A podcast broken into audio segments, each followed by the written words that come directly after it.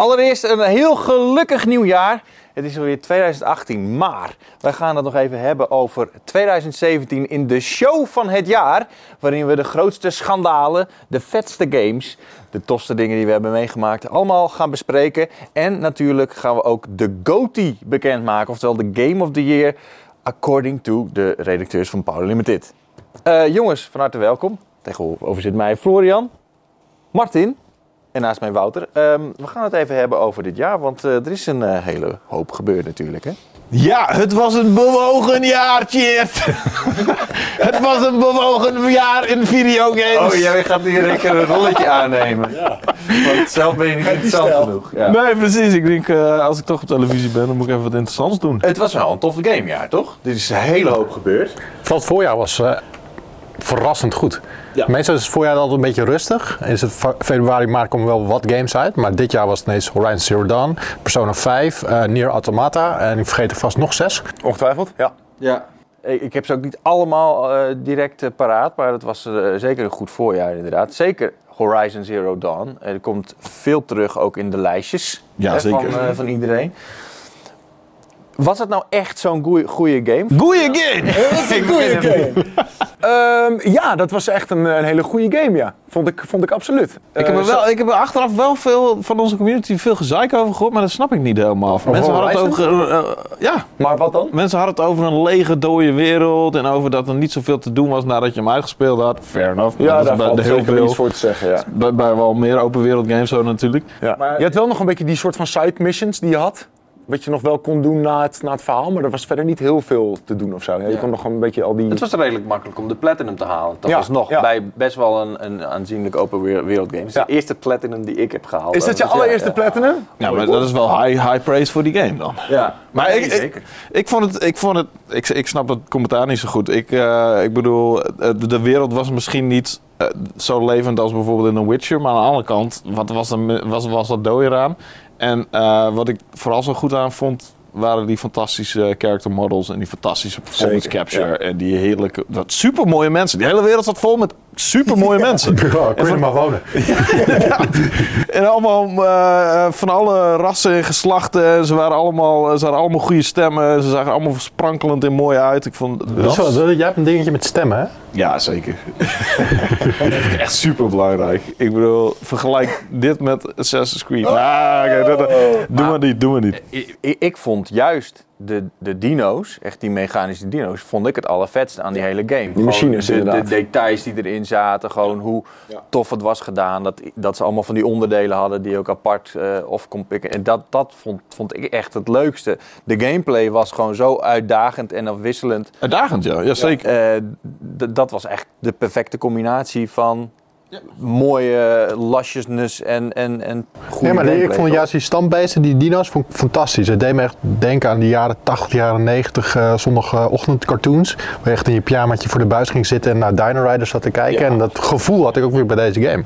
Maar, als je, maar ook die, die, inderdaad wat zegt, die gameplay was gewoon super heftig. Je- Als je zo'n Thunderjaw wilde bieden, dan, dan zat je echt de hele tijd, soms wel een kwartier achter elkaar aan. Zat je op het puntje van je stoel. Ja, dat En, waren eh, bitches inderdaad, ja. Maar het was ook super vet dat je al die verschillende wapens had waarmee je hem echt kon vastzetten met die touwen. En Ja, dat is echt heel goed gedaan. Ja, er waren echt verschillende manieren om ze te verslaan. Maar er waren duidelijk bij bepaalde dino's waren er de beste manieren. En dan nog was het super heftig, weet je. Je zat echt... Je moest gewoon blijven rollen en blijven gaan en nooit stilstaan om die beesten te verslaan. En ik vond het eh, ja, echt een super vette game. Hartstikke trots op Guerrilla. Guerrilla. Guerrilla. Ja, Guerrilla. En, en jij hebt ook eh, Persona 5 in je top 3 lijstje staan. Sterker nog, dat is mijn Game of the Year.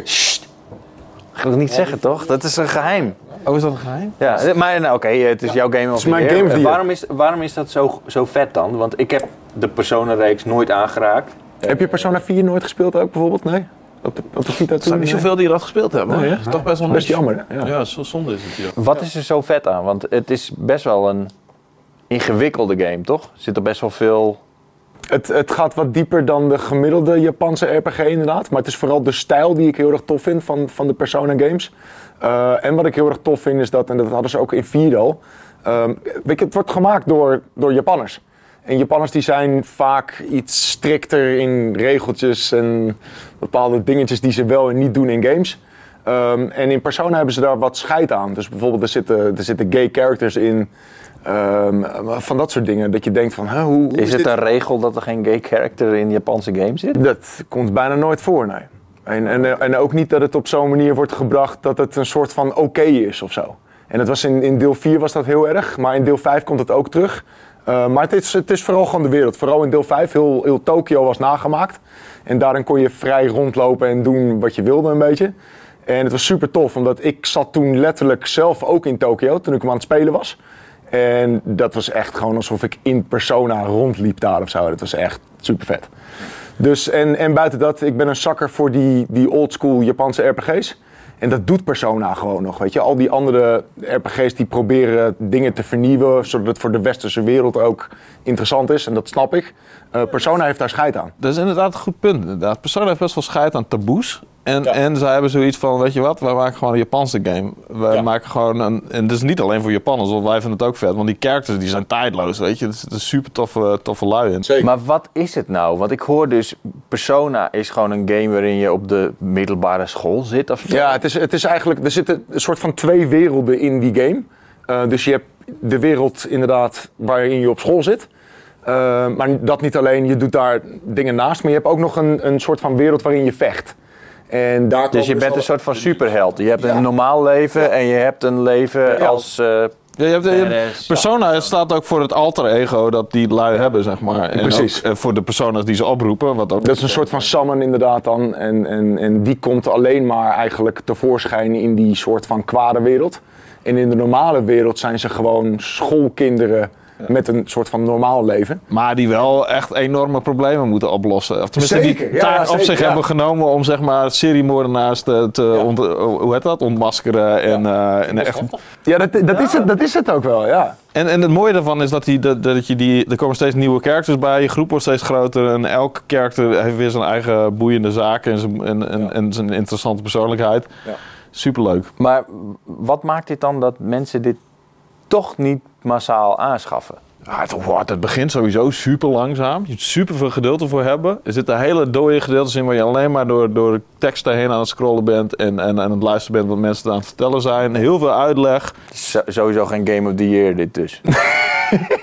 Oh, Rond zo'n titel wordt nul marketing gedaan. Weet je, Horizon Zero Ja, in Europa sowieso niet, inderdaad. In Japan is het echt een gigantisch Volgens mij weten heel veel mensen nog ineens dat deze game bestaat. Weet je, als je hardcore bij ons op de site komt, misschien wel. Sure. En al de reviews checkt en dat soort dingen als je het echt volgt. Maar als je gewoon een casual. Als je, als je een winkel inloopt en je ziet eh, Star Wars staan, Uncharted en misschien Ja. een FIFA. En daarnaast Persona 5. Ik denk niet dat mensen. Hey, Nee, Persona denk- 5, dat wat denk is dat? ook niet. Deze game is net, het is net zoiets als bijvoorbeeld Total Warhammer of zo. Het is super hoogdrempelig. Het is echt niet van, oh, ik ga die game uitspelen. Daarom heb ik ook, ik ben helemaal nog niet ver met die game. Dat komt eh, puur omdat het is echt een opgave om, om, om eraan te beginnen. Want je bent sowieso een paar uur kwijt, want anders kom je nergens. Ja, je kan niet eventjes die game opstarten en eventjes een half uur spelen of zo. Nee, dat werkt gewoon niet. Nee. En, het, is, het is heel hardcore en het is heel oldschool Japans. En het duurde echt een tijdje voordat je er weer in zit. Van, oh ja, die, oh, dit, daarom vind ik het tof. Oh ja, deze lui waren dit aan het doen en dit moest ik doen en dit was mijn taak. En oh ja, nou, nou moet ik, eh, je moet er echt weer inglijden. En dat, dat duurt gewoon echt een tijdje. Ja, uiteindelijk heb ik er een kleine 200 uur in gestopt. Holy shit. Ja.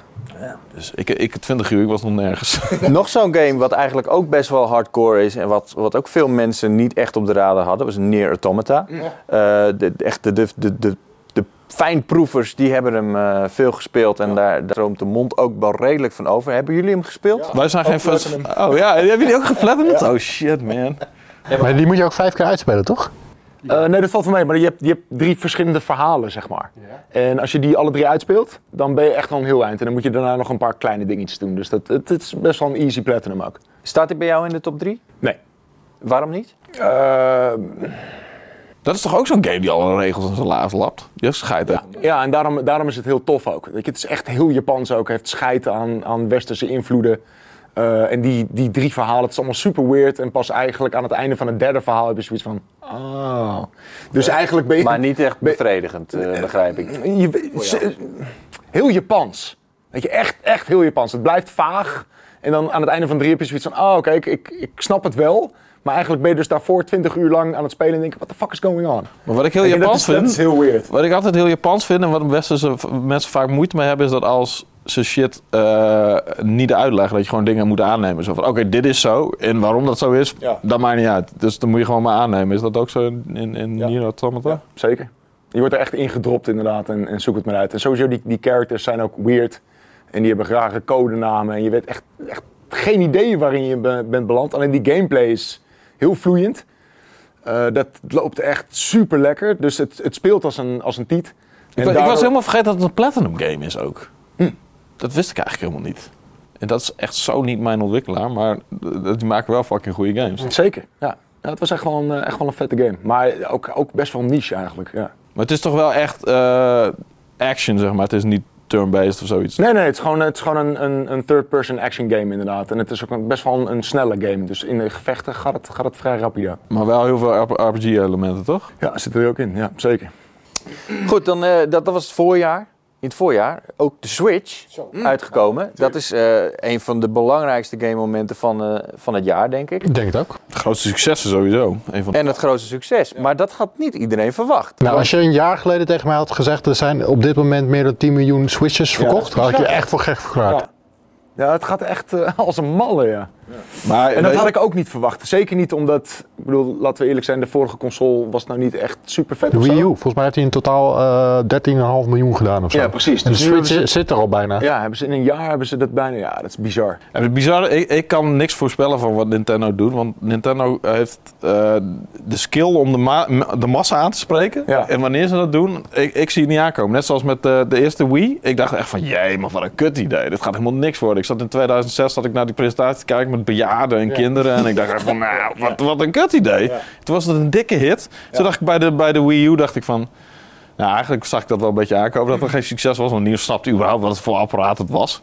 Maar dit, ja, ehm, het is een, best wel een leuk idee. een beetje de evolutie van, eh, van de Wii U natuurlijk. eigenlijk wel, ja. en, en daar hebben ze misschien wel echt eh, de vruchten van geplukt. Van die eh, harde les. Ja, maar we zaten allemaal zijn. in het, begin, in het begin van het jaar, in januari, februari, ja, de Switch zit eraan te komen. Het is een leuk ding, we, hebben, we konden een beetje proberen volgens mij. Maar we zaten allemaal te, te zeiken van, er is geen software, er komen geen games op uit. Maar aan het eind van het jaar, Ja. ik heb bijna geen tijd om al die games op de Switch te spelen joh. Ja, Echt, het Super Mario Odyssey is fantastisch, Mario Kart 8 Deluxe is tof. En, en Zelda natuurlijk. Ja. Ja. En het unieke is natuurlijk ook dat heel veel mensen, en meer dan ik had verwacht, gebruiken hem echt als handheld. Ja. Ja. En, en dat is gewoon echt ideaal voor de games die erop uit zijn. Dat zijn allemaal van die grote open wereld eh, games waar je uren en uren in kan rondwalen. Mensen zijn nu weer helemaal lijp dat je Skyrim een handheld kunnen eh, spelen. Een fucking zes jaar oude game. En ik heb zoiets van, ja, ik ga er echt niet weer aan beginnen. Maar ik snap wel waarom het vet is om dat in je handen te hebben, weet je. Het is net zoals de eerste keer dat ik met een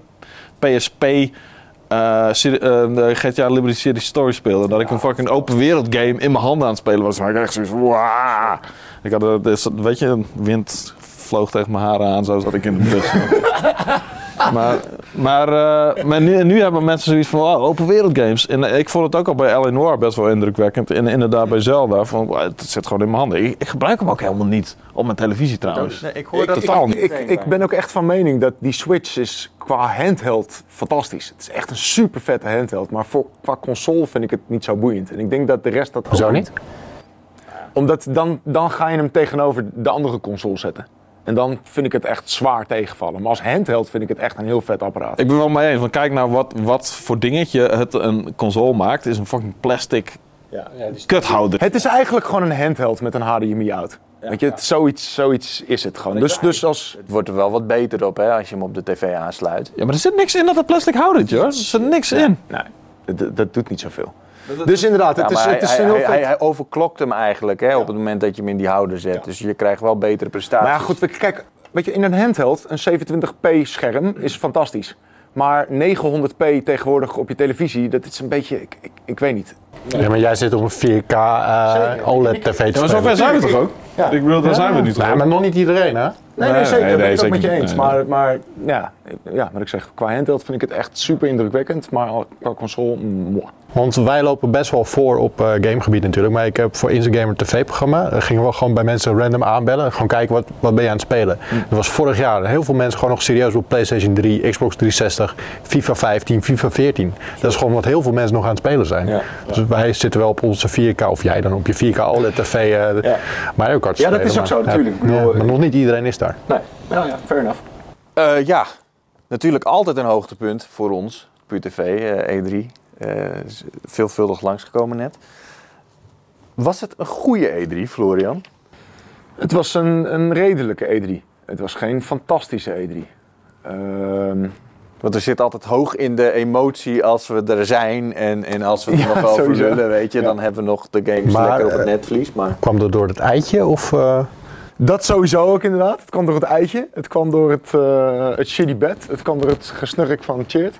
Nee, bullshit. Ehm, het, het waren veel eh, eh, opvolgers. Veel delen 2 en delen 3. Eh, weinig nieuwe IP's. veel trailers die we het jaar daarvoor ook al zagen. Vooral Sony die, die deed dat heel erg. voor games die in 2018 pas uitkomen. Ja, dus het, het, en zeker die, die shows waren echt weer super flashy. Die, die persconferenties. Microsoft die was aan het vlammen, Sony was aan het vlammen. Ehm, Microsoft was wat dat betreft beter, want die showde games die eerder uitkwamen. Maar het waren er weer wat minder. Eh, Sony die eh, deed echt een super vette persconferentie met allemaal shit. En met deze komen met die gasten die aan het, aan het touw hingen en weet ik veel wat allemaal. was echt heel dope. Maar dat waren inderdaad allemaal ver van ons bed games. Ehm, dus het was een, een prima E3, maar het was niet een fantastische E3 of zo. Nee. Als je, als je de E3 mag geloven, dan, dan was 2017 best wel een kutjaar geworden qua games. Want er waren heel weinig games die ze lieten zien die hier nog in het najaar gingen komen. Of hadden wij het gevoel in ieder geval. We hadden echt iets van, ja oké, dus we hebben alleen maar shit van 2018 gezien. Terwijl meestal Heel gaat, het, wel, ja. te- meestal gaat een E3 toch wel behoorlijk over het najaar. Dus als je de E3 mag geloven, dan werd 2017 best wel matig. Maar dat was het helemaal niet. En heel veel gestampte pot eh, die, we, die we eigenlijk al jaren zien, maar die dit jaar toch best wel goed uit hebben gepakt. Hè? Als ik even kijk naar Assassin's Creed Origins. Ja, je hebt het misschien niet een heel hoog cijfer gegeven, maar heel veel mensen hebben er heel veel plezier in eh, beleefd. Ik heb er ook heel veel plezier Ja, beleefd. Call of Duty World War II was ook weer een, revanche eigenlijk. Hè, op Ja. de, En een groot succes, toch? En een groot succes. Ik denk dat eh, de, de best verkochte Call of Duty tot nu toe was Black Ops 3. Oh, ja. En World War II is er al na twee weken was die al overheen. Dus dit is nu by far de best verkochte... Call of Duty ooit. Ja. Oh, oké. Wauw, dat is wel Nee, succes. je, je, je ziet ook gewoon dat er steeds meer gamers zijn natuurlijk. En, eh, en, eh, maar ze, ja, voor Call of Duty is het natuurlijk een perfecte... En dat terwijl de multiplayer service... eh, Hoe is het nu? Is het al beter? Het is beter. Eh, maar ja, ze hebben er wel meer dan twee, drie weken hebben ze erover gedaan om daadwerkelijk de multiplayer game zo te maken zoals die bedoeld was. Dat is gewoon, eigenlijk kan het gewoon niet. Hè? Want je hebt, als dit met Infinite War was gebeurd, dan, dan was het zo hard gegaan natuurlijk. Eh, het was nu al kut, maar ja, eh, de game dat deed het gewoon verder heel erg goed. En kijk, ze hebben dat headquarters hebben ze ge- geïntroduceerd. Een soort van de social space van Call of Duty. Maar daar kon je twee weken gewoon niet in. Ja. Ja, dan zat je in je eentje. Ja, dat was de hele bedoeling natuurlijk niet. Dus eh, dat hebben ze echt kut gedaan. Zeker omdat je ziet dat er een beta was. Ja. Ik bedoel, dan, wat test je dan? Ja, Weet je? precies, ja. Maar ja, die, beta, die, die headquarters zat dus niet in de beta. Maar eh, voor de rest was het, was het echt gewoon best een goed najaar. Als je het gewoon, een beetje bekijkt. We hebben een... Zijn we al in het najaar beland? E3 heel naar- snel. We waren bij E3. Nou, oké, nou, laten we het inderdaad nog even hebben over de E3. Inderdaad. Eh, voor- mij was het hoogtepunt toch wel de rooftop party. Ik weet niet eh, hoe het jullie zit. Ik vond het zo fantastisch Ja, maar vooral hoe we daar binnenkwamen was, eh, was best wel gek. Bizar, dat maakte ja. het mooi. Het Ja. feestje zelf stelde natuurlijk geen fuck voor. Maar, Nee, feestjes van stel het sowieso. Is het al jaren weg, niet meer. Ja, het is echt al jaren niet meer boeiend. Het laatste feestje, echt een vette feestje wat Ja, ik ja, heb ja. gehad, was. Wargaming. Ja, ja, ja. Toen ik echt eh, uit de rijdende taxi aan het stappen was, en dronken was ik. Wat een dwaas. Daarna Maar dat is ook alweer drie jaar geleden. Daar hebben we nog tegen, de, tegen een zwembad begon te praten. Tegen de, af, te- nee, tegen de afvoer van de zwembad, ja. Die praatte tegen mij, dus ik zei wat terug. Dat is wel zo bleef natuurlijk. Oh, dat was schaamteloos. Voor de duidelijkheid, dat was op de, de- die afvoerder zei. En Wouter, oh ja, joh. Ja, en Maarten, en Maarten Blok die eh, de biertjes aan het doodsteken was. Oh, man. Als een soort van orang-oetang was die. Wat een klonk, klonk. Oh, daar hebben we nog wel beelden van ergens volgens mij. maar, eh, Helaas wel. maar dat is wat, 2014 of zo? Of 2013? Ja. Ja, 14. Tyfus lang geleden. Ja, ja. En dat was het laatste vette feestje. Ben jij waarschijnlijk ook wel geweest, los van ons. Nou, ik denk Ubisoft feestje een paar jaar geleden, die was ook wel extreem. Ging Ja, wel goed los. dat is ook ja. En toen kwam ik ook eh, via de achterdeur naar binnen. Was, er- de ingang stond echt in een rij en ik stond niet op de lijst. Maar daarnaast was een soort van garage. En er zat één, één bewaker zat er op een krukje, maar die liep net weg. Dus ik was daar met Tess en Simon echt zo door de gordijnen zo naar binnen. En zo, Binnen, oké, hey, party, party, party. Maar dat was ook, eh, kwamen ze langs met dienbladen vol met kleine shotjes met whisky. En eh, ik was Tess en Simon even kwijt. Die kwamen terug met een hele gezicht ondergeverfd. dat was een bizarre avond was dat. Maar ik denk het beste feestje was nog wel ehm, het Activision Party in eh, de Staples Center. Dat ze de hele Staples Center hadden afgehuurd met Eminem, Rihanna die aan het optreden waren. Travis Barker en eh, die DJ, hoe heet Dat hebben ze meerdere keren DJ? gedaan, hebben ze dat. Dat is echt insane. Dat kost echt insane. jongen. Ja, dat was, het kostte een miljoen volgens mij. Ja. Dat- Maar toen hadden ze ook helemaal niks te laten zien. Nee, dat was gewoon een concert. Maar ze hadden ge- geen games verder te Ja, laten zien. niet de trailers lieten ze zien tijdens een, er kwam een Call of Duty trailer tijdens de Eminem optreden. En dan denk je, Oké. dus het was gewoon Lowlands of Pink, Pinkpop maal 5 qua artiesten. Dat is insane. Met Call of Duty XP heb ik het nog vo- eh, vorig jaar of twee jaar terug. Twee jaar, denk ik. Anderhalf jaar geleden. Toen waren Snoop Dogg en ehm hoe heet die guy ook alweer? Ook zo'n rapper. Die ging toen ook optreden. Dat was dit jaar, was je er weer volgens mij Snoop Dogg bij eh, een Call of Duty Ja? dingetje. Snoop Dogg is, is elk jaar op de E3. Sowieso. Nee, dit- ja, dit was dan eh, Call of Duty XP. Maar wel bij zijn eh, lifestyle. E3, eh, de, enige, de enige partij die nog een beetje rock and roll is wat dat betreft, is, eh, is Devolver. De insane eh, gasten zijn dat, joh. Dat, is echt Dan tof. kom je tien uur binnen op een parkeerterrein en Ja. eh, je kan je al helemaal klemzuigen. Ja, zeg geen maar. probleem, ja. En Overal. Was het nou overal dildo's? Ja, ja. ja.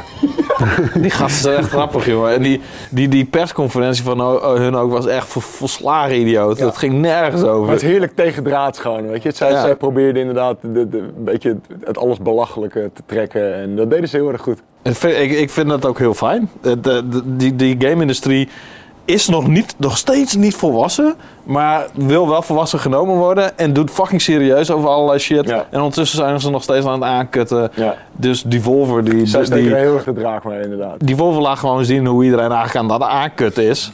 maar zij schamen zich er niet voor, weet je. Het gaat wel steeds meer richting een, een, consumentenbeurs. Hè? Eh, dat zagen we sure. dit jaar heel erg. Zeker de eerste dag. Oh, je zou bijna vergeten, je zou dat is bijna vergeten. Ja, dat was... Maar ik, ik, ik weet nog, ik, zei- ik liep over de Xbox stand of Microsoft stand. Ik zag Veras staan. Allemaal Veras. ja. Ik denk, oh, ja, hij was niet met ons mee. Dus ik denk, ik ga even gedag zeggen. En ik denk, hij was vijf meter van me af. Veras! Ja. Ik geef het gewoon op en het lukt gewoon niet. Ik stond gewoon vast. Ik kon gewoon geen kant op. Bizar. Gelukkig viel het daarna wel een beetje mee. Maar je zag het ook aan de stands. Waren gewoon wat meer uitgewerkt. Ook eh, zeker Nintendo was echt insane. heel, hoe ja. tof het was een mooie, er was een heel, heel, heel nieuw Donk City hadden ze nagebouwd daar. ja. Dat is heel Echt vet. heel cool, ja. De vraag is hoe, we dat, eh, volgend jaar, hoe ze dat volgend jaar gaan doen. Ja. De, drie draken ook, hè? Drie draken dinosaurussen. Eh, was nog, we hebben nog gelijk, gelijke ware onderzoek gedaan met de draken gewoon. Monster Hunter had een draak, Total Warhammer had een draak en dan was er nog Middle, Middle Earth. Earth. Die had ook nog een. Ja. Ja. Wat, dat zag er wel heel vet Stands uit. zagen er heel En, goed eh, uit, en. Days Gone was, ja, was ook een draak van een game. Niks meer over Daar gehoord. hadden we het net nog even over inderdaad. Dat eh Days Gone die was echt eh, op de presentatie, of de, de, de, de speelbare demo was eh, belachelijk slecht. Maar goed, eh, hopelijk... eh, Heb je nog meer? Hebben we nou, die, ja, had ook iets aparts. Ja, het, Oh ja, ik, had, ik, ik, ik vind Topspin vind ik echt een leuke game. Die heb ik, eh, deel 1, 2 en 3 heb ik heel veel zitten spelen. Eh, Het is echt hele goede tennisgames. Ik heb voor de rest niet zoveel met tennis, alleen het zijn gewoon goede games. Dus ik werd gebeld van, hey, eh, die gasten van Topspin, eh, Topspin komen met een nieuwe game. Heb je zin in een afspraak? En ik zei, hel ja. Dus ik ga erheen. Ik word neergezet aan zo'n soort tafel en dan drie keer zo klein. en die developer komt tegenover me zitten. Zit me aan te kijken zo. So, what you wanna know? Oh, wat? heb je niks om te laten zien? Zo, uh, no. Geen logo. Helemaal niks, hè? Geen screenshot, Nee, nee. nothing. Ja. Nee, ja, we hebben nog niks. Op Gamescom pas. Zo. Oké. Nou, dan ga ik weer. ja, maar. En dan ging ik me wat vertellen over de techniek. En eh, ja, hij mocht ook niet, zeggen welke tennissers erin zaten. Dus ja, dat is echt de meest nutteloze Maar het, is- presentatie het, is- ooit. het is best wel gek, want die game die moet al snel uitkomen. Die moet in maart al uitkomen volgens mij. En Hoe heet die? Gravel heet die? Volgens mij Gravel. Ja, ik weet het niet precies. zoiets, maar maar- op PlayStation Experience hebben ze gameplay laten zien. En het was ook inderdaad echt een soort van loopje van 30 seconden die ze de hele tijd opnieuw deden. En ik dacht echt, als dit alles is wat je hebt nu. Ze hebben niks. Hoe, hoe Ze hebben niks. Die game gaat echt niet uitkomen. Of het wordt Het wordt echt een draak. Ja. Het is weird dat ze nog steeds... Dit, dit, dit is wat ik bedoel met dat de industrie nog steeds niet volwassen is. Waarom doen ze dit, dit soort dingen nog steeds? Wat is dit voor iets amateuristisch? Hoe kan dat? bizar. Hoe kan, er zitten miljoenen, miljoenen achter. Hoe kan je dan met zoiets aan gaan zitten komen? Maar het werkt gewoon precies zoals bij ons. En zoals bij elk ander bedrijf. Het zijn gewoon mensen. En Mensen maken fouten. En, en er worden afspraken gemaakt die niet nagekomen worden. En toch moet zo'n ding dan uitkomen. Want ja, er wordt geld in gepompt. En het geld is op. Dus ja, dan maar uitkomen. Ja. Tuurlijk. ja, ik ben bang inderdaad dat het echt eh, een vreselijke game wordt. Maar goed, ik, zit- ik zit ook heel erg in de, in de filmindustrie. En ik vergelijk die industrieën vaak met elkaar. En, en de filmindustrie maakt ook fouten. En dat zijn ook dwaas af en toe. Maar die zijn toch nog wel even een stukje professioneler op heel veel gebieden. Dat je denkt van oké. Eh, en het is allebei entertainment, weet je. Het is allebei een soort gelijke industrie. Maar de ene is gewoon duidelijk nog jonger dan de ander. Dat merk je aan heel veel dingen. Ja, maar bij films is het toch net even wat anders. Kijk, iedereen die kan met twee man en een, een paardenkop kan die een game maken en uitbrengen op Steam. Maar bij een film in de bioscoop is dat net even wat anders. Dus er- Ja. er zitten net wat grotere bedrijven achter. Dus het, daar zitten ook wat meer mensen. Ja, maar die blockbusters waar wij het over, allemaal over hebben nu, dat zijn veel grotere. Ik bedoel, dat zijn veel grotere producten dan bijna.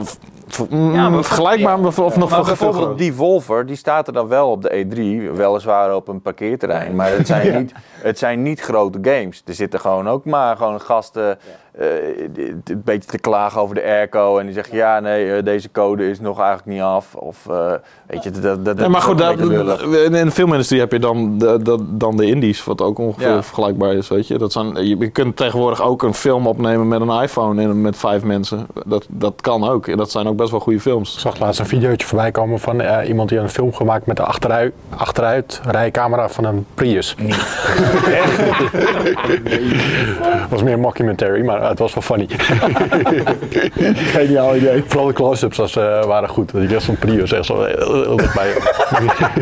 We hebben natuurlijk eh, E3, eh, d- dit soort dingen. Echt allemaal puur marketing. Er wordt echt ontzettend veel geld in marketing gepompt. En om een game echt goed te laten lanceren is dat ook wel nodig. Ja. Behalve voor één game. Zo, de tyfus. Die in één keer echt ontplofte als een malle idioot. En dat was puur mond op mond en, eh, en, en- YouTube. Ja. PC-gaming compleet weer op de kaart zetten. Streamers ook vooral, hè? Ja, Ja. eh, PC-gaming compleet weer op de kaart zetten. En ik heb het natuurlijk over eh, PUBG, oftewel PlayerUnknown's Battlegrounds. Die, die was daar in één keer, in april was het geloof ik. Ja, Ja, zoiets. zoiets, ja. En het is sindsdien alleen maar geëxplodeerd. Ja. Nu is die zelfs op de Xbox One X als een van de grootste titels. Het is echt lightning in een barrel dit. Dit is gewoon, dit, dit, is, e- dit gebeurt één keer in de zoveel tijd en niemand had het kunnen voorspellen. En het was gewoon een, een, een toevallige samenval van allerlei perfecte omstandigheden die op het perfecte moment uitkwamen. storm, ja. En, en niemand had dat kunnen voorzien, niemand had dat kunnen plannen. En waarom überhaupt Battle Royale in één keer zo'n dingetje? Hoe dan? Ja, het, het En mensen, al ja, maar mensen zijn ook wel echt, eh, die shooters spelen, zijn toe aan iets nieuws. Ja. Je speelt al jaren de Call of Duty's en eh, dat soort games. En dit doet echt wat anders. Ja. En eh, het was natuurlijk al een beetje met Arma, wat- werd het al geïntroduceerd. Dus de echte, de hardcore PC-gamers, die wisten al dat het een beetje aan zat te komen. En die hebben dit opgepikt en zijn video's gaan maken, op Reddit gepost, dat soort dingen. En daardoor is het ge- geëxplodeerd. Maar ook die game zelf, dus technisch drama. Het stelt niks voor hem. Maar ik had hetzelfde eh, met deze game zoals ik eh, vorig jaar of twee jaar geleden misschien al had met Pokémon Go. Waar, eh, ik had hem gedownload uit Nieuw-Zeeland of zo, waar, waar ik hem als eerste spelen. En die app was echt een draak. Het was niet te doen, maar toch, het was Pokémon Go. Ik vond het leuk, dus ik bleef het opnieuw proberen. En, iedereen, en het was ja, een beetje hetzelfde als nu met PUBG. Het ging als op mond to mond. Iedereen Ja, maar die had dan tenminste nog Pokémon als enorme franchise achter. Dit heeft helemaal niks. Nee, maar het, het heeft fantastische gameplay en een heel goed concept. idee inderdaad, Ja. ja. Ja, maar en het grappige vind ik ook dat het echt heel erg letterlijk gewoon eh, eh, die, die film Battle Royale is, die Japanse film.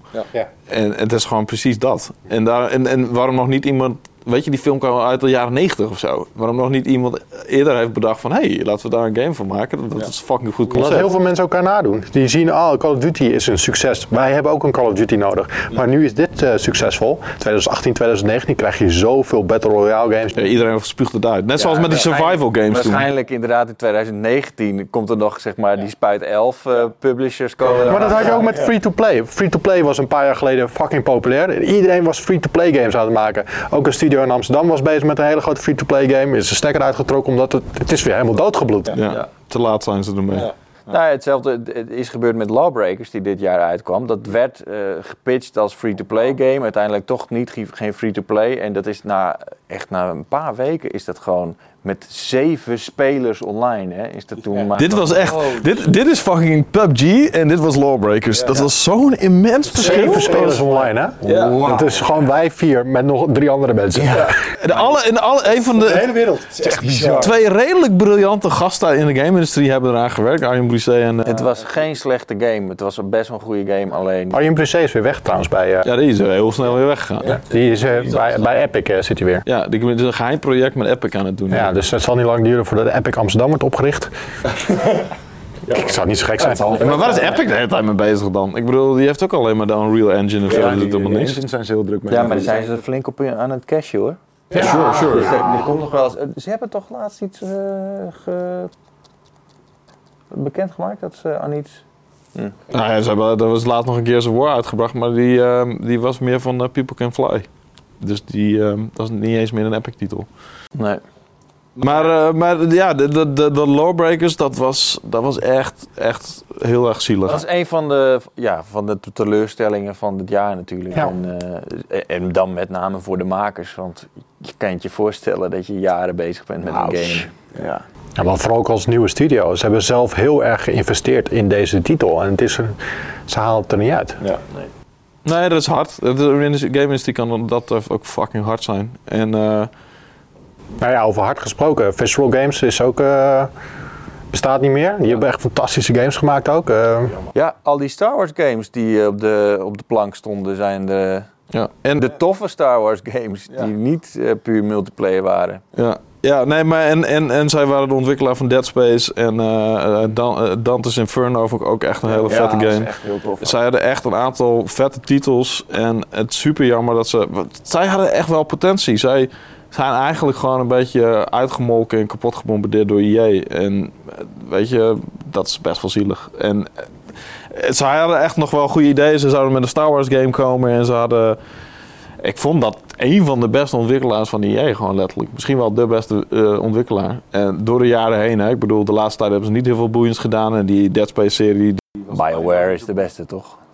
Ja, ja, dat is waar. Maar die zie ik nog steeds niet helemaal als van EA. Ja, dat is waar. Dat, true. Maar ja, die hebben nou wel Andromeda gemaakt natuurlijk. Wow. eh, nu hebben we het echt over de matige dingen. Want Andromeda is ook nog uitgekomen dit uitgekomen. jaar. Ja, iedereen probeert, we proberen het eigenlijk een beetje te ontwijken, maar we, we ontkomen er niet aan. Wauw. Oh man, dat was echt... Ik vond het echt oprecht pijnlijk om te zien hoe zo'n fantastische serie... Mass Effect 2, nog een, een van mijn meest geliefde games aller tijden... En eh, die deed superveel bijzondere dingen met de personages en met opbouw en met eh, spanning op het einde en, en een epische... Het, eindgevecht van Mass Effect 2 is iets wat, wat nog nooit iemand na heeft gedaan en wat ongeëvenaard is tot op de dag van vandaag. Eh, en daar komen ze met Andromeda. Super ambitieus project. We gaan naar een nieuw sterrenstelsel. Alles kan opnieuw gebeuren. En dan kom je eraan en dan nieuwe sterrenstelsel. En dan hebben ze één nieuwe lame-ass paarse alien. En voor de rest is het allemaal kut. en echt niet, gewoon echt niet boeiend. Gewoon slecht geschreven sidequest en, en eh, hoofdquest. Matige eh, performance capture, lelijke animaties. En het, het was gewoon echt een supermatige game. Het was verouderd. Het hele ding was verouderd. En, eh, dat kunnen we nu toch wel zeggen, dat ze hebben op een gegeven moment gewoon de, de aandacht geshift naar Anthem, toch? Nou ja, ehm, het was meer een. Ik heb een, dat artikel van Kotaku gelezen over de ontwikkeling van eh, Andromeda. En het was meer een soort van flater op flater op flater op flater. Eh, weet je, de slechte communicatie tussen de studio's. ehm, ehm, de- die gezichtsanimaties waren bijvoorbeeld een aantal ontwikkelaars al heel lang met een bepaald systeem bezig. Toen werd er opeens de beslissing gemaakt van, dat is te duur, we gaan over op een ander systeem. Dus die gasten moesten alles weer opnieuw gaan doen. En dat soort rare miscommunicaties. En dan nog met de EA erachteraan, die, die vond dat die dan en dan moest uitkomen.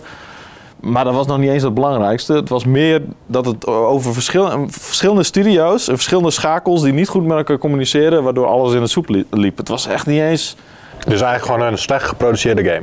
Ja, Producers hebben niet een goed genoeg hun best. Het was niet eens. Iedereen wilde graag denken van het is EA's schuld. Helemaal omdat, nou, nu met Star Wars Battlefront 2 is dat ook weer zo'n flater. Maar EA is wel vaker de bad guy geweest, weet je. Is wel vaker de, de uitmelker geweest. En eh, is wel vaker met, om door je aandeelhouders dat ze rare beslissingen maken. Maar in dit geval was het gewoon eigenlijk best wel eh Bioware's eigen schuld. En eh, hebben ze echt een fantastische franchise te grabbel gegooid. En ik heb die game uitgespeeld en... Als je me nou zou vragen van wat, wat, wat, wat, wat, eh, Paarse Alien. wat weet je er nog van? Ja, een paarse alien. Wat weet je er nog van? Eh, Die paarse alien en, en fucking eh, super rare bugs en eh do doodzaaie dialogen en inter- oninteressante characters. En af en toe zat er weer een soort van heel klein beetje een, een, een sprankeltje van briljantie in van de oude Bi- Bioware. Dat je denkt van... "Ah, En dan was het... pff, oh ja, wacht, we gaan weer kut doen. Het is zo jammer, jongen. Het is echt... Ah, Eigenlijk was het, was het toch een, bijna een zegen dat IE zo gigantisch mispeerde. Want nu is het zo hard op de agenda gezet bij iedereen. Dit is waar we het net ook al over hadden. Hè. Op, op een gegeven moment gaat iedereen free-to-play doen. Nou, nu ging op een gegeven moment iedereen loot crates doen. Maar nu met deze mispeer krijgen we weer de volgende wave van... oké, kut, we moeten toch even het hele systeem aanpassen. Of gaan kijken hoe we dat eh, slim kunnen aanpassen. Ja, maar voordat Battlefront uitkwam, eh, had je natuurlijk al Shadow of War.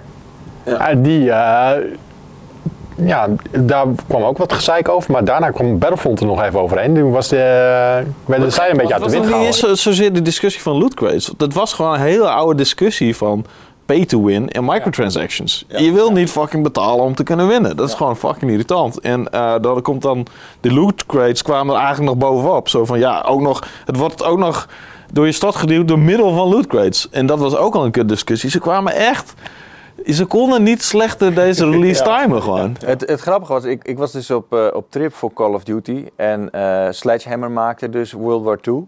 En ik was aan het eten met, eh, met de multiplayer ontwikkelaar. En die hebben dus eh, Advanced Warfare gedaan. En die deden dus ook dat hele customizing ding. En ehm, zo kun je eigenlijk zien hoe het in een paar jaar is geëvolueerd. Hij zei van ja, dat was in principe was het leuk. Maar onze fout was om elke gun een andere rol te geven. Waardoor er dus een paar guns waren die de beste waren. Maar die je dus alleen kon krijgen als je dus heel veel van die eh, crates had.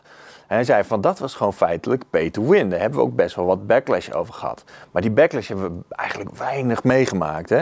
Maar nu, als ze dat nu hadden gedaan, Oh, oh, dan was- waren ze echt fuck de deluxe. pleuris uitgesproken. Weet je, Ja.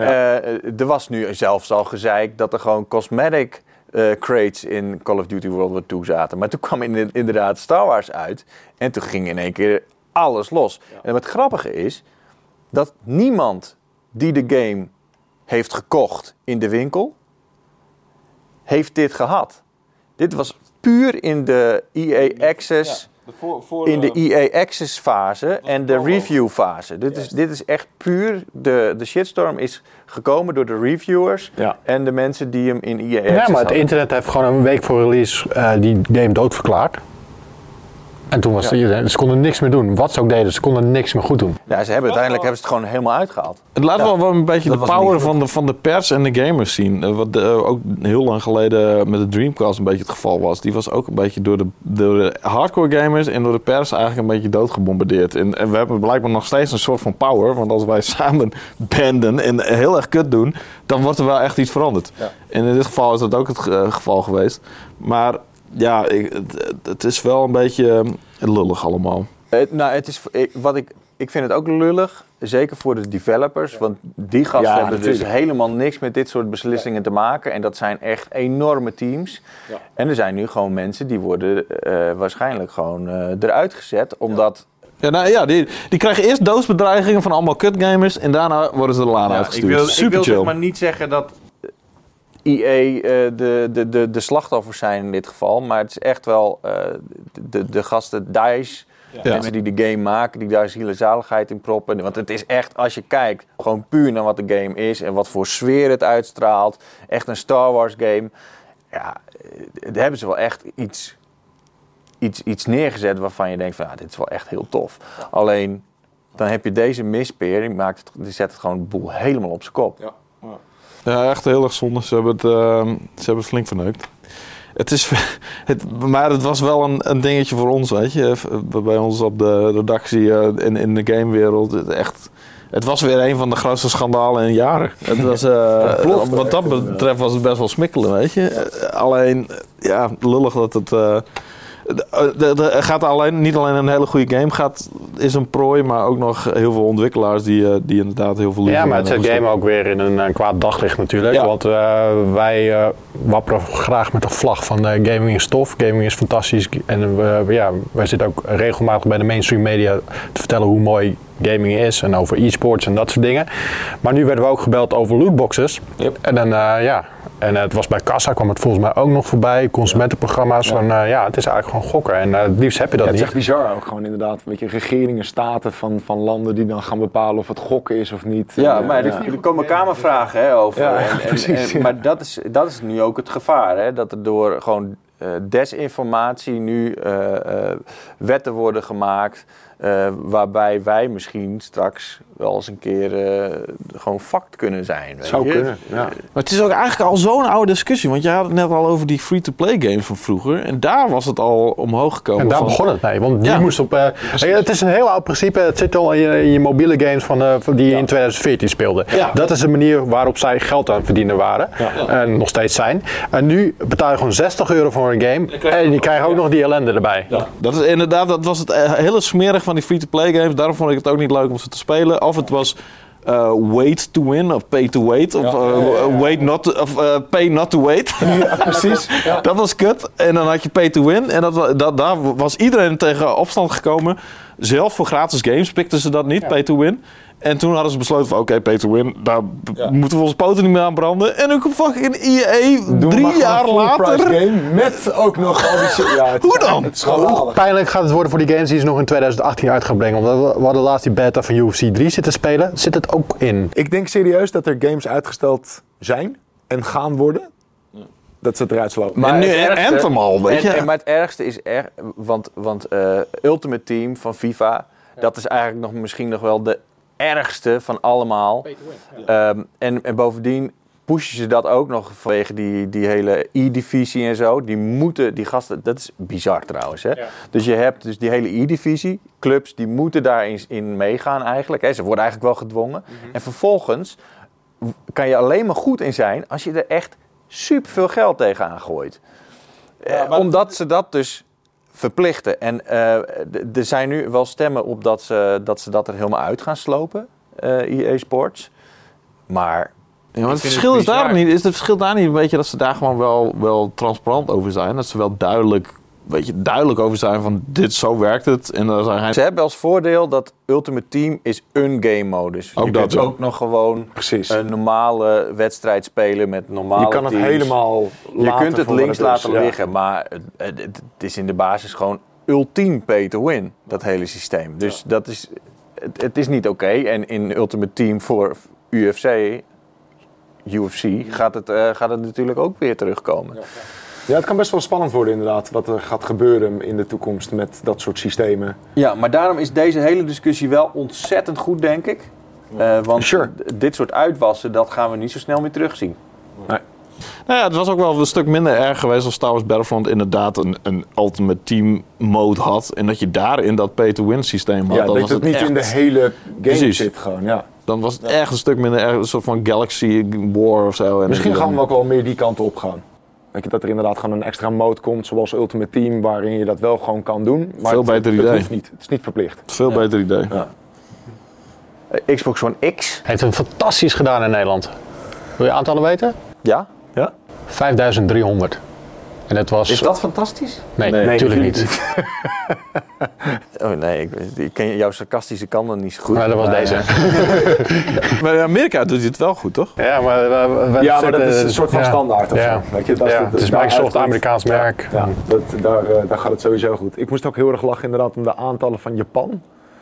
Eh, want Microsoft die had vol bombardie gezegd dat die eh, pre-orders allemaal uitverkocht waren in Japan. Dus dat die gewoon uitverkocht was in Japan en iedereen anders zoiets van wauw. Weet je, hoe dan? Hoezo? Maar het bleek dat ze inderdaad duizend stuks of zo naar heel Japan hadden gestuurd. Duizend ook. Wauw. Ja, het is wel slim. Sure. Ja, dat is ook logisch, want ze weet, je weet uit ervaring, waarbij elk jaar, vol- of elke keer als er weer een eh, eh, Microsoft console uitkwam, hadden we weer zo'n leuk nieuwtje van in Japan, nobody cared. En dan zie je zo Japan één wil er gast die echt, zo echt niks van weten. op de launchdag één, één gast met een doosje zo. Ja, hoi, eh, het zijn allemaal Is het, niet camera's. gewoon, is het niet gewoon wachten tot er een bundel komt met een toffe 4K-tv? Wauw, dat zou wel Eh, eh, lekker die zijn. zijn er al in Amerika. Ja? Ja, want eh, Microsoft die heeft eh, een deal gesloten met Samsung. Dus eh, je kan QLEDs kopen met eh, de Xbox One X. Krijgen we straks niet gewoon een Xbox ingebouwd in de tv? Dat je geen losse console meer hoeft te kopen? Het probleem is een beetje dat de tv zelf wordt al pisheet. En dan ga je ook nog eens een console inbouwen die pisheet wordt. Dus dat, eh, ik weet niet of dat echt gaat werken. 37 graden. Laatste keer dat we zoiets hadden was zo'n videorecorder in, in, in een televisie. Ja, en DVD-spelers in, in tv de televisie inderdaad. Maar een, echt een gameconsole? Dat is nog niet zo vaak gebeurd. Not sure, nee. Is dit misschien ook niet gewoon het einde van een tijdperk? Ik bedoel, zo'n Switch is heel tof, omdat je het mee kan nemen.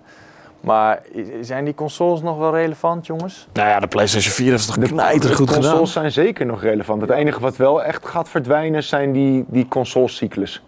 Weet je, dat zie je wel heel erg. En ik, ik ben er eigenlijk ook van overtuigd dat zelfs de PlayStation 5 straks, of whatever het gaat worden, en, en de volgende Xbox, dat houden ze ook gewoon een beetje in diezelfde familie. We krijgen niet echt meer een nieuwe generatie, denk ik, met nieuwe controllers en echt nieuwe games en weet ik wat. Ik denk dat het, dat het zo blijft, dit systeem. Vind ik wel jammer. En dat is ook op zich wel logisch, want ja, hoeveel beter kan je een controller nu nog maken? En eh, weet je, hoe- hoeveel, hoeveel flatgebouwen kun je nog namaken in de vorm van een console? Het maakt gewoon sens om dat allemaal een soort van. Om dat allemaal bij elkaar te houden. Want anders dan ga je ook inderdaad, precies wat jij zegt. Een heleboel gamers die zitten nog steeds ook op de PS3 en de 360. En weet je, dat kan je zo lang mogelijk rekken door dat te blijven doen. Eh, ik denk dat dat eh, de toekomst is. Maar waarom werkt de Xbox eh, One niet in Europa? Is dat de In? Nederland is het toch wel makkelijk. Ik, ze hebben zichzelf gewoon echt in de voet Ja, geschoten. nul- nul marketing. Nul marketing, maar we zijn later uitgekomen Ja, kwam met veel later One. uit inderdaad. Dat was, dat was wel een ding. Ehm, Sony die heeft gewoon heel veel markt gewonnen door al die gruwelijke exclusives die er zijn. Kijk En- alleen maar naar mezelf. Ik speelde altijd op de 360. Voor mij, omdat de controle fijn was. eh, er waren gewoon prima allemaal games. Maar eigenlijk was- al die gamers die zijn pretty much overgestapt naar de Ja. PS4. Ja. Voor mij is dat nu ook de go-to eh, het Ja. go-to systeem. Ja, en die Xbox One X gaat daar ook niks meer aan veranderen, zeg maar. Ik vind die controle van de Xbox vind ik nog steeds fijner dan die van de PS4. ik ook. Ik ook. En ik heb er ook een shitload inmiddels en ik wilde graag op spelen, maar eh, af en toe start ik mijn Xbox One X op en dan denk ik, hoe de fuck werkt dit klote eh, d- het systeem ook alweer? Hoe, waar moet ik ook alweer heen voor dat en dat? Oh, ze hebben weer een update gehad. Alles is weer anders. Oh, eh, wacht, ik moet eerst nog een anderhalf uur wachten op een fucking update. Maar dat komt gewoon omdat je go-to systeem is de PlayStation. Omdat daar al je spelletjes op staan. Weet je, en daar, daar, daar zijn al je vriendjes. Ja, maar dat is niet helemaal waar. Want ik heb aan het begin heb ik best wel veel op de Xbox One, eh, eh, Xbox One gespeeld. Omdat ik bijvoorbeeld Dragon Age Origin, eh, Inquisition speelde ik daarop. Dat is al 150 uur. En als je een aantal games daar gewoon op hebt. Maar dit- dat systeem werkt gewoon niet lekker. Eh, eh, de, de- ik heb zelfs een tijdje gehad dat ik, ehm, dat ik gewoon games niet kon opstarten. Dus dat ik aan te rammen zo. Ik, ik heb mijn Xbox One heb ik gebricked. Ja, precies. Ik ja. had, een, ik had een probleem met mijn wifi. Hij zei van, er zit een kabel in, dus je wifi doet het niet. Ik zei, er zit helemaal geen kabel in. Dus eh, ik dan maar, eh, mijn wifi deed het ook niet. Dus ik maar een kabel ingeprikt, werkte ook niet. En toen las ik op het internet van, je kan hem opsturen, kost je 150 euro. Fixen hem voor je. Maar voor 150 euro heb je gewoon een nieuwe Xbox One met 10 games erbij. Ja. Eh, dus of je kan hem even factory resetten. Nou, dat deed ik. Eh, maar dan moet je de setup cyclus moet je door. En stap 3 is stel je wifi in. Oh, fuck. En dat werkte dus niet. Ja. Ik kwam dus niet voorbij eh, stap 3. Dus gewoon Xbox gebrikt. Dan zit je in een loop inderdaad. Ja, dat soort dingen. dat- ik heb dat- echt zoveel rare problemen meegemaakt met dit, het besturingssysteem van die Xbox Ja, hij, One. hij voelt ook heel laggy aan. Ja, Maar het grappige is dat, weet je nog, toen we nog een discussie hadden over altijd online. Ja, precies. Maar de- de- die, daar- dat is inmiddels nu een beetje verstomd. Maar dit soort problemen heb je nu wel. In principe werkt het systeem. Ja. Als je geen internet zou hebben, dan zou het... Ja. Dan zou je nog wel gewoon een schijf erin kunnen moeten doen, toch? Ja. Ik bedoel, maar, dat Maar inderdaad, die dus hele omgeving is natuurlijk ontworpen ooit met die gedachte. En daarna hebben ze dat helemaal teruggedraaid. Ja, nu zie je dat ze ook met het dashboard nog steeds dingen aan het improven zijn. En het wordt wel steeds beter. Maar het is nog steeds een beetje Maar omslachtig. als je dan aan het spelen bent, en ik ben, ik, ik ben eh, Call of Duty eh, World War II aan het spelen op de Xbox met Elite controllers. Wel echt fantastisch Ja, man. ja, zeker. Echt, poeh, het speelt echt en eh, PUBG. Het is een geniaal set om die game daar exclusief op te gaan brengen. Weet je, PUBG, die, dat is die stottergame. die stotter game. Ja, Ja, maar als ja, ze, is nu nog een early die access. 10 hè. Als frames die, seconde, ja. maar als die, die straks misschien over een paar maanden wel goed geoptimaliseerd is, dan hebben ze echt een parel in handen. Ja, maar toch, toch wel een beetje typisch dat ze nu van... Oh, nu mogen we ook op de, op de Xbox One X een hele grote titel uitbrengen die in early access zit. Want dit is PUBG. Daar maken we een uitzondering voor. Dat is prima, weet je. Dat, eh, dat voelt ook een beetje raar. voelt een beetje raar aan, maar als het straks allemaal werkt, jongen. Goh. Het is Ja, wel, heel ja, veel ja, mensen willen deze game, die kunnen hem gewoon niet spelen op PC, omdat ze geen gaming PC hebben. Ja. En als je hem op console kan spelen, en je kan hem straks een Xbox One voor een paar tientjes op de kop tikken. Ja. Maar is dat niet weer een beetje eh, too little too late? Gewoon? Ja, ik weet het niet. We gaan het zien. We gaan Het het is, wel zien. echt, het is wel echt een huge game. Dus Ja. als, als er een game is die dat soort van kan dan is, is dat het wel. Toch, maar het moet, het, het moet ook met PUBG weer zoet gaan op een gegeven moment. Dat kan niet lang meer duren. Alleen Overkomen. nu. Eh, Ik kan overkomen en het moet even... Zoep, zoep. Onze vocabulaire laten we door. gaat echt eh, met, de, met de minuut beter. Hey, ehm, laten we het eens even hebben over de GOTY. Want als het goed is, heb je het natuurlijk gevolgd. Elke dag hebben wij de afgelopen twee weken bijna... hebben we eh, top drietjes online gezet van onze redacteurs. Zelda Breath of the Wild. Ja, eh, jullie twee hebben hem gespeeld. Jij hebt hem niet gespeeld. ik heb- Zijn we het erover eens? Eh, hij staat niet in mijn persoonlijke top 3. Mij ook niet. Als ik, maar als ik, als ik een, top, als ik een top 4 had, dan stond hij op nummer 4. Nou, het is een fantastische game, maar waarom ik hem niet op nummer 1 heb gezet, is omdat Super Mario Odyssey zo fucking goed is. Ja. Die, die game Is geeft het alles niet als- als het- game niet zijn. Als ze tegelijkertijd uit zijn, zouden zijn gekomen, zou Mario dan nummer 1 zijn geweest? Maar nee. Nou, weet je wat het is? Ehm, mensen hebben... Want er zijn mensen die wel Zelda hebben gespeeld, maar niet Mario nog bijvoorbeeld. Oh ja, nou, mm, ja, dat zou kunnen. Maar weet je, het ding is, het is een hele fucking goede open wereld game. Ten eerste. En het is een hele goede. Ze hebben heel goed die serie naar een andere genre getild, eigenlijk. Echt op een super goede manier, waar iedereen super tevreden over is. Maar ik heb. eh, de laatste Zelda die ik helemaal uit heb gespeeld was A Link to the Past of zo op de fucking Game Boy. Dus ik weet, ik heb die hele, Wauw. ik heb die hele ontwikkeling en daar schaam ik me ook best wel voor. Ik vind ook dat ik diezelfde games allemaal opnieuw moet gaan spelen, gewoon om mijn kennis op te vullen. Maar die hele revolutie heb ik niet zozeer meegemaakt. Dus ik ben, heb niet zoiets van, wow, wat hebben ze met Zelda gedaan? Ik heb meer zoiets van, oké, ik ben een hele goede open wereld game aan het spelen. Maar ik speel toch Zelda Zelda games. Maar die open wereld games zijn wel echt fantastisch. Er is bijna geen glitches kunnen ontdekken. Terwijl als je, een- als je een GTA opstart, dan gebeurt er altijd wel iets Ja, geks. sowieso, ja. Maar als je hier een berg op klimt, alle animaties zijn echt perfect. Je zit er gewoon te kijken van, hoe kan dit in godsnaam? Hoe lang zijn die gasten bezig geweest? Het is ja, ja, super gedetailleerd. Echt een hele goede game. Ik snap wel dat hij op nummer 1 staat. Ja, en ook eh, de, de, de dingen die er kunnen gebeuren in de wereld, eh, de weersomstandigheden. En Dat, dat is misschien een beetje irritant dat je van, je van je berg af kan glibberen. Maar dingen zoals dat als je met ijzeren uitrusting rondloopt en het eh, bliksemt, dan eh, ja, kun je geraakt worden door bliksem. Eh, de physics zijn knijtergoed, weet je. Je kunt een steen van de berg afrollen en als er beneden mannetjes staan, dan worden ze geplet. En het vechtsysteem schijnt ook uitdagend te zijn. Ja, Moeilijk. Het is ook een best wel pittige game ook, ook nog. Ik vond dat een beetje weinig vijanden in zaten. Maar, maar oké, eh, weet je, ik ga, laten we niet op de Game of the Year gaan zeiken.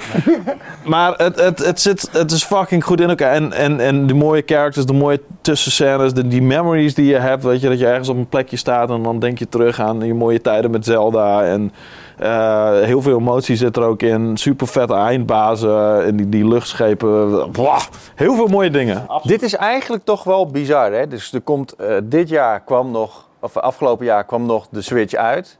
Vervolgens komen er echt best wel toffe games uit, waarvan er twee in onze top 3 staan. Ja. Dat is iets wat PlayStation en Xbox echt niet doen. Dan moet je echt sowieso nog meer dan eh drie kwart jaar wachten voordat er nog eh, de, de eerste vette games echt uitkomen. En de launchtitels zijn, eh, als we kijken naar de geschiedenis van console launches, dan zijn de launchtitels meestal best wel crappy. Ja. Eh, Tech-demo's, halve games, eh, even een infamous se- second sunnetje die ze eruit Ja, het is ongelooflijk dat Nintendo inderdaad in zo'n korte tijd na release van die console zo aan het knallen is met al die games. Ik bedoel, dat had volgens mij echt, echt niemand verwacht. Nee. Weet je, dat die, dat die console vet zou worden, dat, dat zagen we wel een beetje aankomen. Maar die games zijn echt eh, gruwelijk. En sowieso, weet je, een Zelda en een Mario in hetzelfde jaar voor een nieuwe console die ook in dat jaar uitkomt. Het, eh, Volgend jaar Donkey Kong en dan... eh, Ja, maar ze hebben nog zoveel dikke franchises. Hebben ze gewoon op de plank liggen waar ze echt fantastische dingen mee kunnen doen. Metroid bijvoorbeeld, Metroid Prime. Ja. eh, en en eh, voor mij was een van de allergrootste ge- verrassingen. eh, ik, ik dacht serieus, toen ik de aankondiging hiervan hoorde, of het gerucht dat ging, dat er een Mario X Rabbids of Plus Rabbids game kwam, dacht ik echt van fake news. Wat een bullshit. Welke idioot gaat dit nou doen? of fake nieuws, of het wordt helemaal kut. Ja, precies. Eén van beide. Ja, oh, en dan was het, eh, en toen, toen bleek het een XCOM game, de achtige game te zijn. Toen dacht ik echt van, oké, wacht, nu ben ik getriggerd en nu wil ik weten wat het is. En toen, dat was ook nog een superleuke game. Het feit dat ze dat hebben af weten te poelen, dat dat een vette game is, dat, we- dat, dat geeft me weer aan hoe, hoe on a roll ze zijn. Want wie kan dat laten werken met rabbits? Iedereen haat die shit. Dit was ook nog, ja, dit was ook nog echt een super passieproject. Maar we hebben allemaal die game director van Mario Plus Rabbids zien die- janken in die, in die Ubisoft eh, pers. Zo van, oh mijn game, mijn, mijn grote passie, het komt uit. eigenlijk. Een prachtig moment. Maar dat was echt passie, weet je. Dat heb je niet eh, bij, bij, Battlefront 2 of bij een Call of Duty. Dat er één zo'n gast van, "Mm, mijn Call of Duty is eindelijk uit. Nee, Eh, dat ga je echt niet zien. Nou, Ja, tuurlijk zijn er ook gasten achter die met passie eraan werken. Dat, dat zag ik ook helemaal niet. Alleen dit was eigenlijk een beetje one man's vision. En, en die, die ziet het opeens gebeuren en die denkt van... Wauw, als je dit drie jaar geleden tegen me verteld had... dan, dan had ik gezegd van... podium naast Miyamoto. Ja, precies. Ja. Heen. Ja, Ja. gruwelijk. Ja, heel cool. jongens, eh, dan sluiten we 2017 bij deze af. Klaar. Oké, het jaar is voorbij. En we gaan even, even vooruitkijken naar 2018. Want eh, de, de, de- de- ja, we zitten nu al in 2018. Er zitten ook weer een hele hoop leuke dingetjes die eraan zitten te komen hoor. Ja, of het zo'n idioot vet jaar wordt als 2017... Dat, dat, dat, dat- laten we daar maar niet van uitgaan. Maar eh, Het ziet er goed uit in ieder geval. Ik ga even een lijstje langs. En dan mo- mogen jullie allemaal eentje kiezen waarvan jullie denken van... Nou, dat wordt voor mij echt de vetste game van het komende jaar. Ja? Red Dead Redemption 2. Far Cry 5. Spider-Man. Anthem. Monster Hunter World. Sea of Thieves. God of War. Metro Exodus. A Way Out. Detroit Become Human. Last of Us Part 2. Ja. Ja, Last of Us gaat, dat gaat 2018 niet redden. Nee, dat denk ik ook niet. Ik ben, ik ben bang voor niet. Nou, dat zou ik heel erg jammer vinden. Maar dat... eh, Hey, ik, heb, ik heb een paar keer mijn vinger opgestoken. Allemaal op PlayStation. Ja, ja, oh zeker. Ja. Ik ben ook bang van, eh, ja. Spider-Man en The Last of Us is voor mij echt, als die al, alle, allebei volgend jaar Al uitkomen. ben ik echt serieus. Ik bedoel, Cheert is, is de grootste fan van Sea of Thieves hier. Maar ik ga die game ook spelen. Ja, Lijkt me echt heel tof. nou, dan kunnen jullie samen op een boot, toch? Eh, maar even, laten we het even bij langs gaan. Red Dead Redemption 2. Ja. Ehm, ik kijk er onwijs naar uit. Ik denk Sure. dat het een ontzettend vette game is. Maar ik moet wel zeggen, ik heb een beetje het gevoel dat die engine veroudert. Als je kijkt naar die trailers. Nee, weet ik niet. Ik vind het vooral een beetje stil. Het is nu eh, begin 2018. Die game moet lente uitkomen. Ja, zoiets. En we hebben één trailer gezien. Ja, Rockstar, dat. Ja, Rockstar knalt altijd op, in de laatste twee maanden heel hard. En Ja. dan, dan komt er in één keer een naar een ander trailer en dan denk ik, Ja, wow. doen ze met GTA ook altijd. Het is een soort van, van ding van Rockstar. Buiten dat, Ik vind ze nu een beetje laat. Ik vind het een beetje stil. ja, ja het, is wel, het is wel aardig En stil. ze kunnen hem ook nog, nog een keer uitstellen. Dat is Rockstar. Dus Maar eh, Red Dead Redemption 2 dat gaat toch never nooit niet zo groot zijn als een GTA 5? Nee, dat lijkt mij ook niet. Never ever. Wat ik, wat ik wel een beetje. Waar ik heel erg naar uitkijk bij Red Dead Redemption 2 is de online modus. Maar ik ook Echt? weer. Ja, gewoon met, met een cowboy gang, eh, banken overvallen en dat soort dingen. Dat lijkt me heel vet.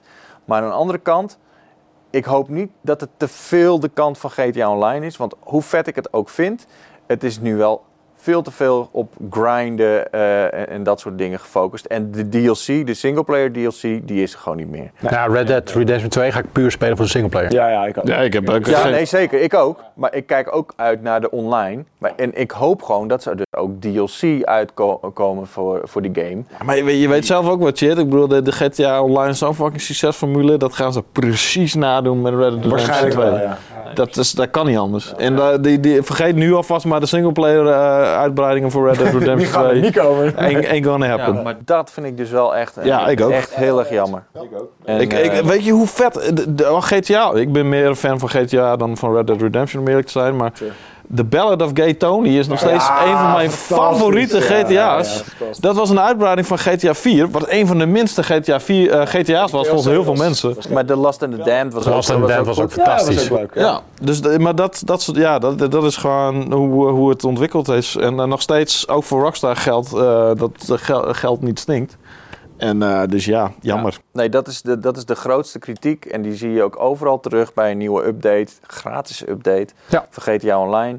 Mensen die, zitten, die, die zien gewoon, kijken tegen een berg van XP en, en geldverschil aan in de game. Ja. En die denken van ja, het is allemaal leuk dat het erin zit, maar ik kan er niet aan beginnen. En als ik eraan begin, dan kan ik hem niet afmaken omdat ik niet goed geëquipt ben, weet je. Dus Ja, we gaan het zien inderdaad. ja, dan hebben we Far Cry 5. Eh, eh, Martin en ik hebben hem al uitgebreid kunnen spelen. En, Uitgesteld eh, naar maart. Ja. Hij is uitgesteld, inderdaad. Eh, ja, het ziet er ook weer fantastisch uit. Ja, maar Far Cry vind ik sowieso een leuke serie. Ja. En eh, dit pakt alle elementen van de vorige Far Cry's, ook van Primal er nog bij. En die fantastisch mooie setting. Leuk Ik denk dat Far Cry de, de beste se- eh, serie van, van Ubisoft vind.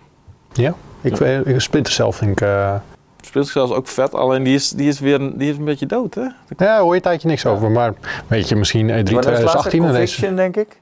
Nee, nee, ik nee, er kwam nog eentje na. Die, met een nieuwe Sam Fisher. Ehm, die was echt heel vet trouwens. Ehm, wat was die ook alweer? Volgens mij was dat 6 al, deel 6, maar die had geen, geen 6. Die had weer een nieuwe. Ja, nee, ik vond, ik vond Conviction vond ik heel erg vet en die daarna ook wel heel cool. Was Conviction nou met die nieuwe Sam Fisher? Nee, ik weet het Ik niet. weet het ook niet. Daarom, het is al vet lang geleden. eh, Die serie. Ja, we moeten terugkomen. Misschien E3 dit jaar. Maar het probleem van Splinter Cell was het beetje, het begon op die andere serie van hun te lijken, omdat het dezelfde richting op ging. Hoe heet die, die eh, Advanced Warfare serie van hun ook alweer? Ghost Recon. Ja, daar, die, dat, dat, je had zeg maar Splinter Cell was heel erg eh, stealthy en met één dude. En je had hier eh shooter. en die gingen zo langzaam naar elkaar toe. En toen was het bijna niet meer van elkaar. Ja, nou, nu is Ghost Recon is Ja. een Far Cry geworden, een soort van. Maar Ghost Recon Wildlands, man, dat is, dat is ook een vette game. Maar ik, zie daar met Ghost Recon Wildlands zie ik in 2018 nog wel een Battle Royale eh, mode.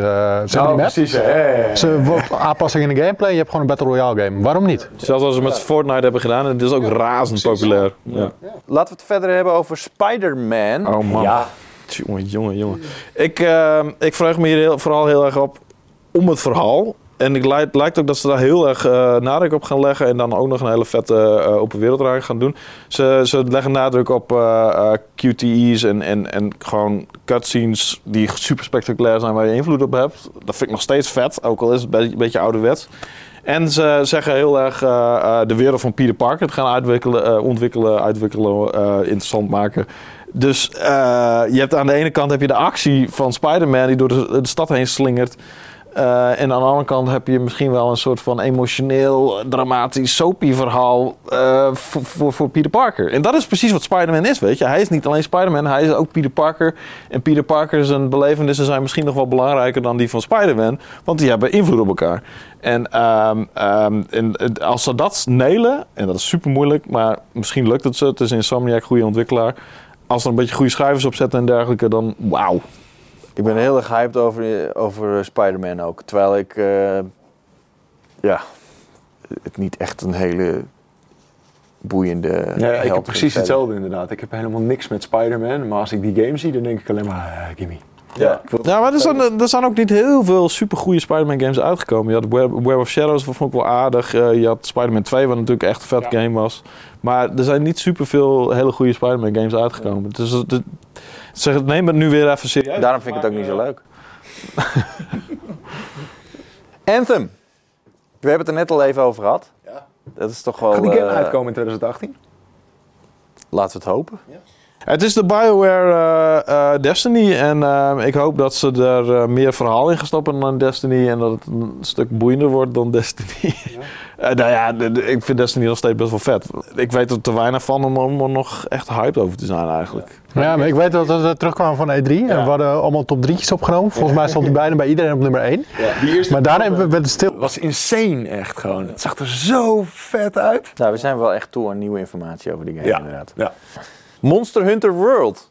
Ja, dat is niet mijn ding. Ik kan er niks over zeggen. Wouter, is het iets voor jou? Ik heb, eh, ik heb de, de Monster Hunter was bij ons altijd een beetje de. eh, Als je, die, die gaven random aan de redacteurs. En dan zo van ja, jij moet dit keer de Monster Hunter doen. En ik heb de één keer was ik de lul. Eh, het is heel moeilijk om in te komen. Maar eh, ik snap wel de charme ervan. Ehm, vooral als je het met vrienden speelt. En dat wordt een beetje een probleem. In ieder geval bij mij. Want ik ken niemand die Monster Hunter speelt. Maar deze wordt wel wat laagdrempeliger. En het schijnt dat die beta eh, echt super indrukwekkend was. Dus het heeft echt wel vette potentie, maar eh, je moet er, je- misschien dat je dit keer niet meer zozeer fan van de serie hoeft te zijn om het te enjoyen. Alleen ja, dan moet je het alsnog wel gaan spelen. En dan moet het wel... Ik proberen, zeker. Ja, ik ook, maar dan moet het echt in een soort van eh, lege periode uitkomen, weet je? Ja. Net alsof het een experimentele druk is of zo. Ja, ja. Zo voelt het ook een beetje. Het komt toch ook in een lege periode uit? Ja, ja, hij komt 26e januari. Januari, ja. De- februari is er niks. Nee, klopt. Hij In komt, maart eh, komt pas hij Far Cry goed en daarna ja. pas Red Dead. Nou, dat is best goed gedaan. Dan, dan, dan zou, ik, zou ik het best een eh, kansje willen geven. Ja, we hadden het net al even over Sea of Thieves. Ik denk dat echt dat het heel erg vet gaat worden. En eh, eigenlijk alle speelsessies die ik erbij heb gehad. Wordt gewoon heel erg leuk. Ja. Gewoon fun. Weet je, Ja, dat, dit is eh, echt iets wat je met, met een leuk groepje vrienden Ja. moet spelen. En dan heb je echt de dikste lol volgens mij. Yep. Eh, dat ga ik zeker spelen. God of War. Ja, ik heb, ik heb laatst een heel interessant nieuwtje erover gelezen dat de, dat de singleplayer echt 30 uur is of ja. zo. tussen de 25 en 35 uur. Wat de is, hel? eh, Dat is echt heel veel. Hoe dan? Ja. inderdaad. Als je kijkt naar hoe die game Maar dat, eruit ziet. dat komt ook een beetje omdat ik denk dat die game veel minder scripted wordt voor het eerst. Wordt het een beetje à la Tomb Raider of zo? Die laatste Ja. Tomb Raiders. Ja. Ik denk dat dat het wel eens Die waren ook niet zo lang, zijn. toch? Ja, Nou, zit- die, die, zit ook laatste op, Tomb eh, Raider, die ja, was wel echt Zit ook op eh, ruim groot, 20 uur, hoor. Ja. Ja, helemaal als je alle sidequests en dergelijke wil. ja, dan sowieso inderdaad. Dus ik, maar ik denk inderdaad dat het een beetje die kant op gaat. En, Dat is helemaal geen slechte... en met Kratos en... oh, Dat is dan wel heel anders. Dan is het echt eh, dan geen beat-em-up meer. Dan is het gewoon een third-person action adventure. Dan is het, Ja. Dan is Ja. het geen vechtgame meer. Ik denk dat het echt heel erg met Tomb Raider vergelijkbaar gaat worden. Maar dan gewoon in die mythologische setting. Precies. Ik heb, ben er heel erg in die mythologie gedoken afgelopen jaar. eh, in, in de puur heb je daar meerdere keren over kunnen lezen.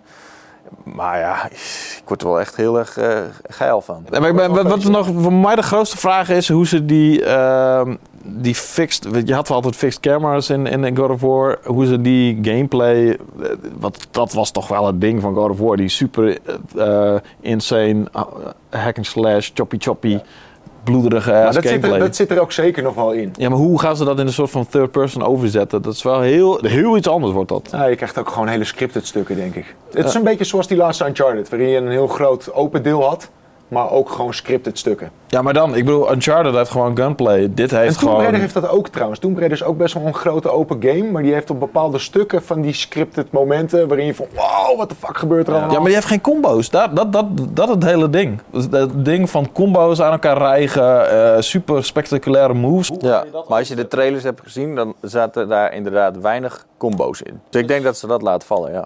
Het wordt, het wordt versimpeld, die, die Misschien wel, ja. knok gameplay. Ja, maar je hebt natuurlijk ook wel die kiddo nu bij je, die je af en toe een soort van in kan roepen of zo. Ja. Ik, ben, Rete benieuwd echt gewoon. ik ben heel benieuwd hoe ze dat... Gewoon, vooral de gameplay. Meestal ben ik benieuwd naar verhaal en naar personage, dat soort shit. Nu ben ik echt benieuwd naar hoe ze die gameplay overzetten. Dan zijn we alweer aan het einde van de show van het jaar. Hey, eh, laten we even een goed eh, voornemen. Ja, het is toch 1 januari. Florian, wat is je goede voornemen voor het... eh, Ik heb een 55 inch OLED voor boven, nu wil ik een 77 inch OLED voor in mijn woonkamer. En de loterij winnen. Dat zou ook fijn zijn. Dat ja. zou heel fijn zijn, ja. Ja. Die van mij? Ja? Ik heb, ik heb één heel mooi masterlijk idee om met de Power Limited te gaan doen. En hopelijk gaat dat lukken en dan zetten we ons wereldwijd op de kaart. Is het wat, het wat ik denk dat het is? Het is wat je denkt wat het is. Weet ik wat het is? Jij, jij weet ook wat het is, maar jij, jij vergeet altijd alles. Dus eh, Verdomme, ik ga straks vragen wat het is.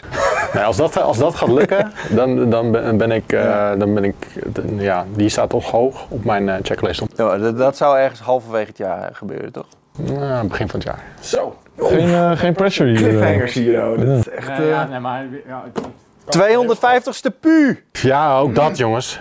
200, of, eh, nee? Twee- 25 jaar! 25 jaar! 300ste, 300ste pu Twe- en 25 jaar. Dat is insane. ja. Ja, dat is echt eh, een kwart eeuw nieuws. Moeten we, ja, moeten we even kijken wat... Ja, even kijken of we een mooi feestje kunnen geven. Ja joh. Wouter, Ik, eh, ik eh, wilde iets minder aan, achter mijn lul aanlopen en iets vaker gaan gamen. ik heb vaak, ik vaak de keuze gemaakt, seks of gamen, seks. Je, je mag één game spelen in 2018. Welke gaat het zijn? Ik denk dat ik wel weet wat je gaat zeggen. Ja, de Last of Us, part 2. Ja, mijn, mijn goede game voor me nemen is gewoon echt een toffe, goede 4K opstelling. Game is tegenwoordig een dure hobby, daarmee sluiten we hem af. Dit was de game show van het jaar. Oef, good save. van Power Limited. Bedankt voor het kijken. Het was een lange zit, maar hopelijk heb je ervan genoten. Laat even weten wat je van vindt en of je eh, met ons op eh, enig eh, punt afgelopen hal- anderhalf uur, of wat, wat, hoe lang zitten we hier al? eh, mee oneens of mee eens was, zet het gewoon even in de comments. Het was, het was een waar genoeg om dat voor jullie te doen. Ja, en like ons en subscribe en al die onze. Ja, zullen we nu dan eten? Ja. Hebben we nog een oliebal liggen ergens?